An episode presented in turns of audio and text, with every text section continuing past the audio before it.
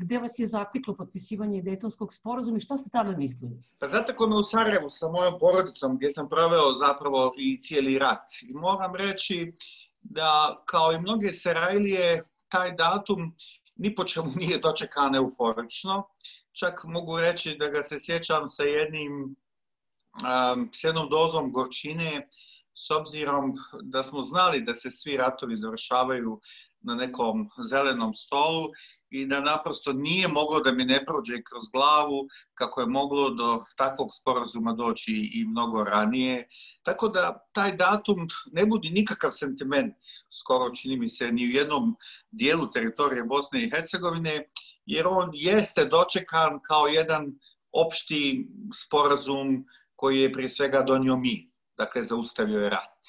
I to je sigurno njegova najveća vrijednost i njegov najveći kvalitet. Ali ono sve što je i kasnije iza Daytona uslijedilo, naravno ni jednog trenutka taj datum ne čini jednim bitnim datumom za sreću, harmoniju, regeneraciju, rehabilitaciju ili reafirmaciju ideje Bosne i Hercegovine. I moram reći da postoje dakle u Dejtonskom sporazumu nekoliko stvari koje su podrazumijevale onog trenutka kada se on potpisivao želju, htjenje međunarodne zajednice da se ta država u jednom određenom vremenskom periodu prije svega politički stabilizira i da počnu procesi demokratizacije i njene reintegracije. Naravno, tu je taj čuveni aneks sporazuma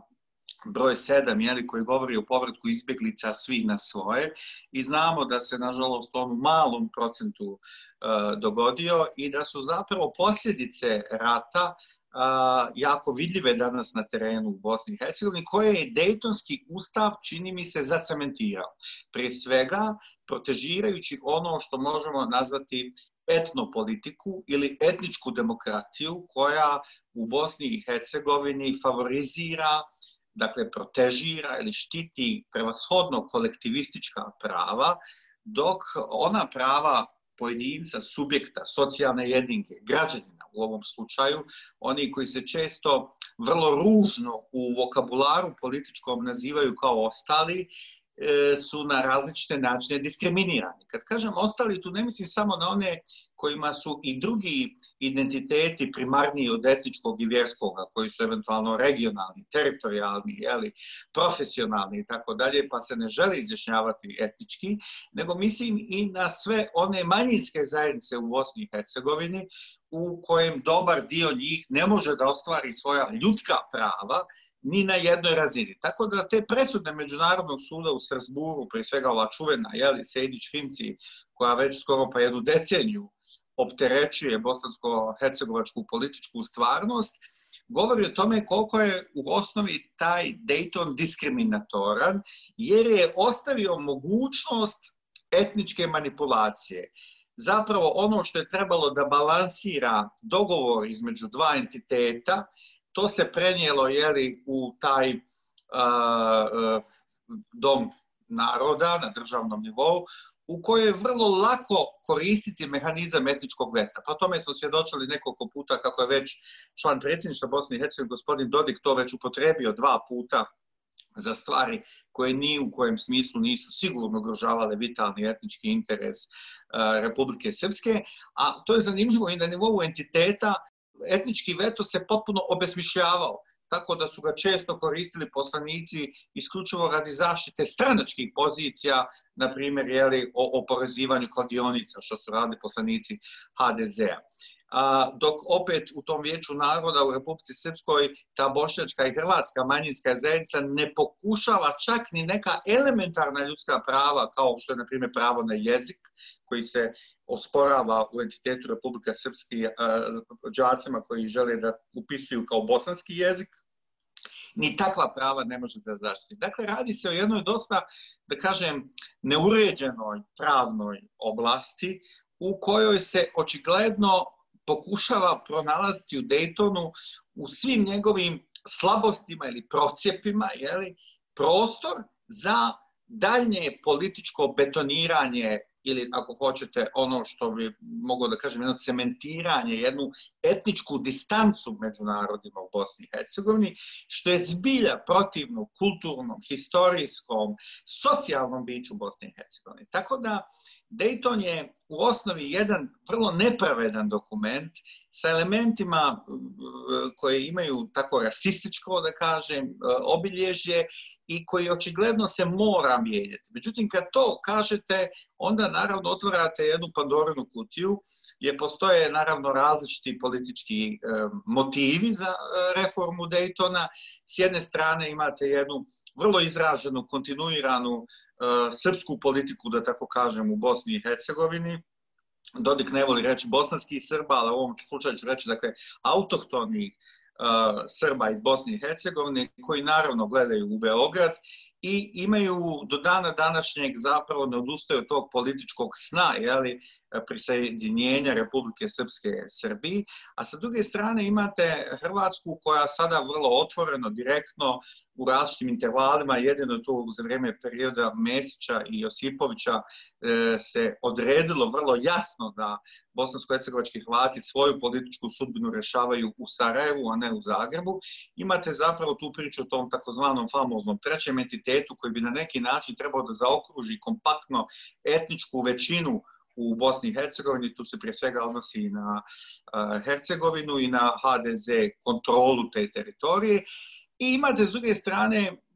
bošnjačku politiku koja želi da ojača centralne institucije države koji politički neistomišljenici nazivaju unitarizam ili centralizam, jeli? i očito da u tako radikaliziranim polovima te tri etničke skupine jako je teško očekivati da će se u dogledno vrijeme doći do dvotrećinske većine, kako Dayton podrazumijeva, za izmjene takvog ustava. Dakle, što želim reći? Bez međunarodne arbitraže, bez međunarodnog pritiska, bez jednog novog Daytona 2, u, za koje u ovom slučaju čini mi se u međunarodnoj zajednici, u geostrateškim interesima ili ako hoćete prelamanjima, ne postoji niti konsenzus, niti volja, niti želja. Teško je očekivati da će doći do takvog nekog e, novog skupa. Naravno, e, dobrim dijelom Bosna i Hercegovina i Dayton je i produkt e, State Departmenta, dakle američke administracije, koja je proteklih više od decenije, ne samo za vrijeme Trumpa, nego i za vrijeme mandata Baracka Obame, Balkan zapravo ispustila iz svog fokusa. Vi ste u jednom od posljednjih tekstova koji ste napisali za Peščanik napisali da je došlo do neke vrste obnove Srpsko-Hrvatskog saveza koji je važio i za vreme rata. Na što konkretno mislite? Možda pojasnite to. Da, tu se radi o jednom zapravo političkom savezu, interesnom savezu, nikakvom bratskom savezu, naravno, Milorada Dodika i Dragana Čovića, koji pokušavaju jeli, da prije svega jednom čak i međunarodnom linijom HDZ prije svega oslonjen na hrvatske poslanike u Europskom parlamentu, da problematiziraju Bosnu i Hercegovinu, da pokažu da je ta zemlja disfunkcionalna, da je ona na neki način neodrživa čak i u ovakvom obliku i oni pokušavaju, to je neki dan eksplicitno rekla Željana Zovko kao e, hrvatska predstavnica u Europskoj uniji, bivša inače ambasadorca Bosne i Hercegovine, e, dakle da je ideja da se prvo zaokruže etnički kompaktno te, e, te tri cijeline u jednoj federalizaciji Bosne i Hercegovine, pa da se onda u sljedećoj fazi, zamislite, molim te, paradoksa, pređe, pređe u građansku demokratiju. Mislim da su to stvari koje vrlo jasno upućuju da postoje dvije vrlo izražene politike u Bosni i Hercegovini naslonjene na Zagreb i Beograd. Jedna je segregacijska, ta je strane od HDZ-a i to vidimo i na primjeru Mostara i ako hoćete u obrazovnom sistemu dvije škole pod jednim krovom, u svim kantonima gdje žive u većini bošnjaci i hrvati, sve su zapravo institucije na neki način podijeljene, odvojene, tu je vrlo izražena ta etnička distanca, tu se sve zna od kulturnih institucija, obrazovnih institucija, sportskih klubova, pa na posljedku ako hoćete ovog svakodnevnog života, kafića, restorana, ulica i kvartova, dakle skoro pa je sve dobrim dijelom odvojeno, jeli? a, a s druge strane imate, takve, imate tu jednu dakle, kontinuiranu, čini mi se, srpsku politiku koja se dakle naslanja na Beograd i koju nažalost Beograd ni jednog trenutka se nije od toga distancirao. Zapravo, jeli, to sada prisustujemo tome da se nekadašnji možda san ili teritorij koji su nazivali Velika Srbija zamjenjuje sada novom sintagmom srpski svet, jeli? I dakle, tu se jako računa na Republiku Srpsku i prosto ne postoji izjava političkih zvaničnika u Srbiji od Rane Brnabić do, do Aleksandra Vučića u kojima se ne potencira Republika Srpska kao bratska zemlja, bratska, često se kaže bratska država i tako dalje. To su termini koji vrlo jasno označavaju jeli, u političkoj leksici čemu teži aktuelno srbijansko političko rukovodstvo, a ja ću vas napomenuti da je donedavno i ministar vanjskih poslova Ivica Dačić rekao da zapravo treba slabiti bosansko-hercegovačku substancu tako što ćete svakom darovitom studentu, džaku, sportašu davati srpsko državljanstvo, srbijansko državljanstvo i na neki način onemogućavati zapravo multietničnost u, u Bosni i Hercegovini. I naravno, tu sada moramo govoriti i o bošnjačkoj politici, o bošnjačkoj komponenti, koja uh, je reprezent u, u partiji koja je dominirala jeli, svih ovih godina, dakle 30 godina stanice demokratske akcije, koju sada vodi uh, njen predsjednik Bakir Izetbegović i koja nije uspjela ni posle Daytona nijednog trenutka, bez obzira koliko se ona deklarativno zalagala za multietnički život, nijednog trenutka nije ponudila nijednu platformu zapravo obnove tog suživota, nijednu multietničku, iskrenu, e,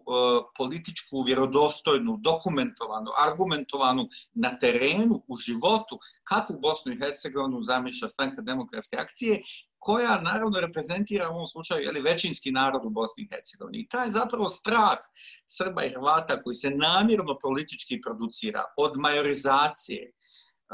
od većinskog naroda, od demokratije, zapravo jedan čovjek, jedan glas, jeli, je nešto na čemu igraju nacionalisti jeli, iz e, srpskog i hrvatskog korpusa, a s druge strane, naravno, bošnjački nacionalizam koji nije tako agresivan i često nije tako ni vidljiv medijski, jeli, podrazumijeva da se zapravo tom većinskom voljom uh, mogu podrediti ili ako hoćete majorizirati jeli, neki možda vrlo važni politički interesi drugih etničkih zajednica. Mi smo dakle sve probali, jeli, ali jedino što nismo probali, nismo probali građansku državu. Nismo probali građansku demokratiju. I u tom smislu su ovi tek završeni izbori u Bosni i Hercegovini možda nagovješta jedne nove dekade u kojoj je moguće otvoriti taj dijalog, jeli da građani su napokon se vratili, čini mi se, sebi, sobstvenom identitetu, građanskom identitetu, bez obzira što su im ova kampanja im nudila upravo ratnu, huškačku retoriku podjela i etničke, eh, etničke, etničke distance. Čim se pomene građanska Bosna i Hercegovina, građansko društvo, tu citiram Dragana Čovića koji kaže, a očigledno po načinu na koji se Dodik, odnosno Republika Srpska pa i Srbija odnose prema Bosni i Hercegovini, da slično misle. A to znači sledeće. Dakle, to kad se kaže građanska Bosna, to u stvari znači unitarna Bosna, a to u pola koraka znači islamska Bosna. On čak ne kaže, on čak ne kaže Sedlana, ni, on ne kaže čak ni, ni, ni pola koraka. On eksplicito kaže da je građanska država znači islamska država u da, Bosni i da. Hercegovini, što je zbilja ne samo uvredljivo, rasistički, islamofobno, nego je nepodnošljivo čut. Znate šta, može se mnogo stvari prigovarati u, ili, ili upirati prstom šta je devijantno u Bosni i Hercegovini na raznom planu, ekonomskom, političkom, socijalnom, moralnom, ali da tako nešto kažete, to je namjerno, dakle, razvijanje onih iracionalnih strahova bez ikakvih argumenta, dakle bez ikakvih dokaza, bez ikakvih pokazatelja, u kojem zapravo cijelu jednu, jednu etičku skupinu, jedno cijelo, da kažem, jedan politički korpus, jeli, bošnjački, vi direktno uh, im ne dozvoljavate zapravo da oni mogu da baštine tradicije zapadnoevropske demokratije nego ako oni žele zapravo da budu građani, to znači da su oni islamisti. Dakle, to je prosto jedna rečenica zbog koje bi u Iole ozbiljnijoj jeli, političkoj državi to bio i kraj karijere jednog političara. Međutim, kod nas je takve bombastične ili takve prljave rasističke izjave skoro ponavljaju na svakodnevnoj e, razini, tako da je to samo jedna u nizu onoga što je došlo od e, Dragana Čovča i HDZ-a. Na posljedku vidjeli smo da su oni, na primjer, i te, te stravične terorističke akte koji su se dogodili u Francuskoj, jeli, koristili također u dnevnoj, lokalnoj politici. Dakle, ja mislim da se radi o jednoj, da kažem, jednoj smišljenoj strategiji u kojoj se u evropskim koloarima, evropskim hodnicima, u briselskim lob, lob, lobima, sastancima, jeli, pokušava prikazati Bosna i Hercegovina kao jedna nestabilna država sa većinskom muslimanskom enklavom, bošnjačkom većinom, koja sutra u slučaju neke građanskog suvereniteta ili građanske države može da postane evropski problem, može da bude jeli, kako često su to govorili i prethodna e, predsjednica Republike Hrvatske Kolina Graba-Kitarović je govorila o stotinama hiljada terorista koji su u kampovima za obučavanje i tako dalje. To naravno stvara jedan stražan politički pritisak, fobiju, skoro jedan nevjerovatan iracionalan osjećaj krivice. Tako da ja znam mnoge moje prijatelje, računajući mene samoga, koji sa velikim strahom iščita jeli kada vidim da je neki teroristički akt se dogodio u Evropi, da nije taj terorista eventualno imao neku konekciju ili vezu preko Bosne i Hercegovine ili čak neko bosansko-hercegovačko poreklo. Dakle, radi se o jednoj podmukloj, hinskoj, licemjernoj, apsolutno licemjernoj brizi za evropske vrijednosti i u tom jeste paradoks da gospodin Čović sebe zove promicateljem evropskih vrijednosti, na neki način dajući sebi superiorni hierarhijski položaj u odnosu na druga dva naroda u Bosni i Hercegovini koje treba tobože evropski emancipirati. Mislim da, nažalost, niti politika HDZ-a, niti on osobno, a kao i cijela oligarhija okupljena oko njega, nema nikakvo moralno, etičko uporište za takvu izjavu, a niti njihova ratna biografija nije daleko od onoga što je zapravo presuđeno u sudu Hagu za udruženi zločinački podufat, od koji se politika zvančna ADZ-a u Bosni i Hercegovini nije distancirala. I kako doživljavate politiku koju vodi Srbija prema Bosni i Hercegovini? Vidite, prije svega to, to, to nije istina da su Srbija i Hrvatska garanti Dejtonskog sporazuma. Oni su, su potpisnici Dejtonskog sporazuma. Dakle, oni se obavezuju na Dejtonski sporazum, prije svega na poštovanje teritorijalnog integriteta i suvereniteta Bosne i Hercegovine, jer su obje države zvanično sa svojim trupama, svojom logistikom, svojom politikom, jeli, ratovali u Bosni i Hercegovini. Što su i presude Međunarodnog suda u Hagu dokazale. Dakle, to da su Srbija i Hrvatska garanti detonskog sporazuma, to nije tačno, zato što to onda dovodi Srbiju i Hrvatsku jedan patronizirajući odnos prema Bosni i Hercegovini. Dakle, na posljedku radi se o jednoj političkoj manipulaciji koja nema nikakvo utemeljenje u detonskom sporazumu, u detonskom dokumentu.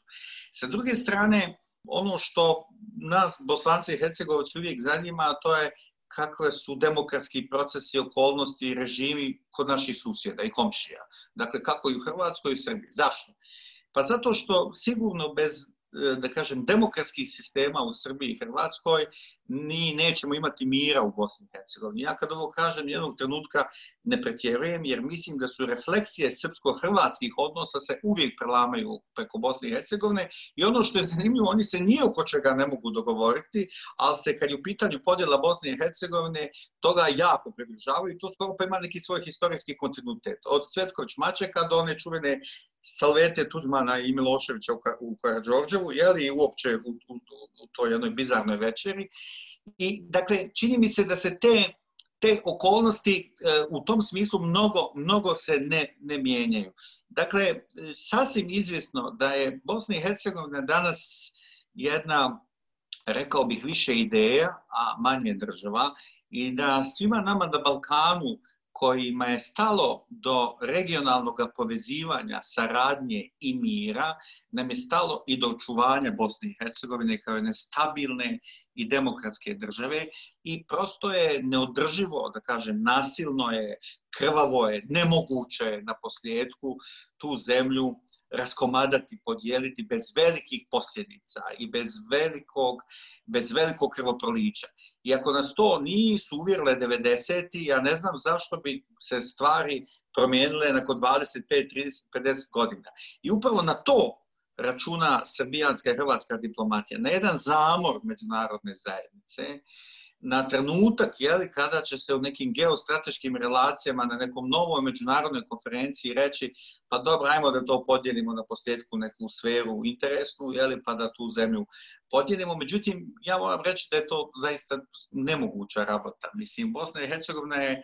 možda i jedna krhka država, ali to je jedna vrlo uh, vitalna kultura, kao kultura od, od pruča, vrlo je savikljiva i vrlo, jako je teško slomiti vi teško možete uništiti individualne relacije, prijateljstva, kumstva, kulturno-historijsko nasljeđe, spomenike, vjerske objekte, groblja na posljedku u vašim ulicama, u vašoj okolini, u vašem pogledu kroz prozor a, jako teško, bez obzira što se puno toga promijenilo u Bosni i Hercegovini, što se unakazalo, što su to neki ožiljeci duševni koji vjerovatno nikada neće zacijeliti, ali još uvijek, jeli, pa čak su i ovi sada izbori lokalni pokazali, još uvijek u Bosni i Hercegovini imate potencijal građanskoga, u kojem se ljudi žele dijeliti samo po znanju, stručnosti, jeli, a ne po naciji i po vjeri. I ja u tom smislu želim da budem optimista i želim da vjerujem da će ta ideja bosansko-hercegovačkog života opstati, a da će Dayton možda biti samo upamćen kao jedna epizoda koja je donijela mir i jedan post-tranzicijski, post-konfliktni period u kojoj je zemlja tako iscrpljena i razorena od rata imala velike političke turbulencije i u kojoj je prošlo više jeli, tri dekade nacionalističkih politika, ali u kojoj te nacionalističke politike nije moguće evropski emancipirati ili kultivirati i sa njima ući u Evropsku uniju, nego se one zaista moraju poraziti, moraju se smrviti, moraju se otjerati na društvenu marginu, da bi se Bosna i Hercegovina priključila jednoj zoni civiliziranih i evropskih država. Za to nam je neophodno stabilno susjedstvo. Za to nam je neophodna podrška Srbije i Hrvatske, a ne da ne dobijamo podršku, nego dobijamo cijelo vrijeme jednu kontinuiranu subverziju u kojoj to je prosto nevjerovatan paradoks. Ljudi primaju visoke plaće, paušale, kao ministri, kao poslanici, gdje im je jedini radni zadatak da sabotiraju državu u kojoj žive, pasoš koji nose i kruh koji zapravo dobije. I ja naprosto čeznem, sanjam da će doći onaj trenutak kada ćemo imati autohtonu srpsku, srpsku autohtonu bosansko-hercegovačku politiku koja će sva svoja prava ostvarivati prije svega u Sarajevu, u dijalogu sa svojim komšijama i u kojima će krenuti od toga da je to njihov zavičaj, da je to njihova domovina, da je to na posljedku njihovo tlo gdje oni vjekovno i pripadaju.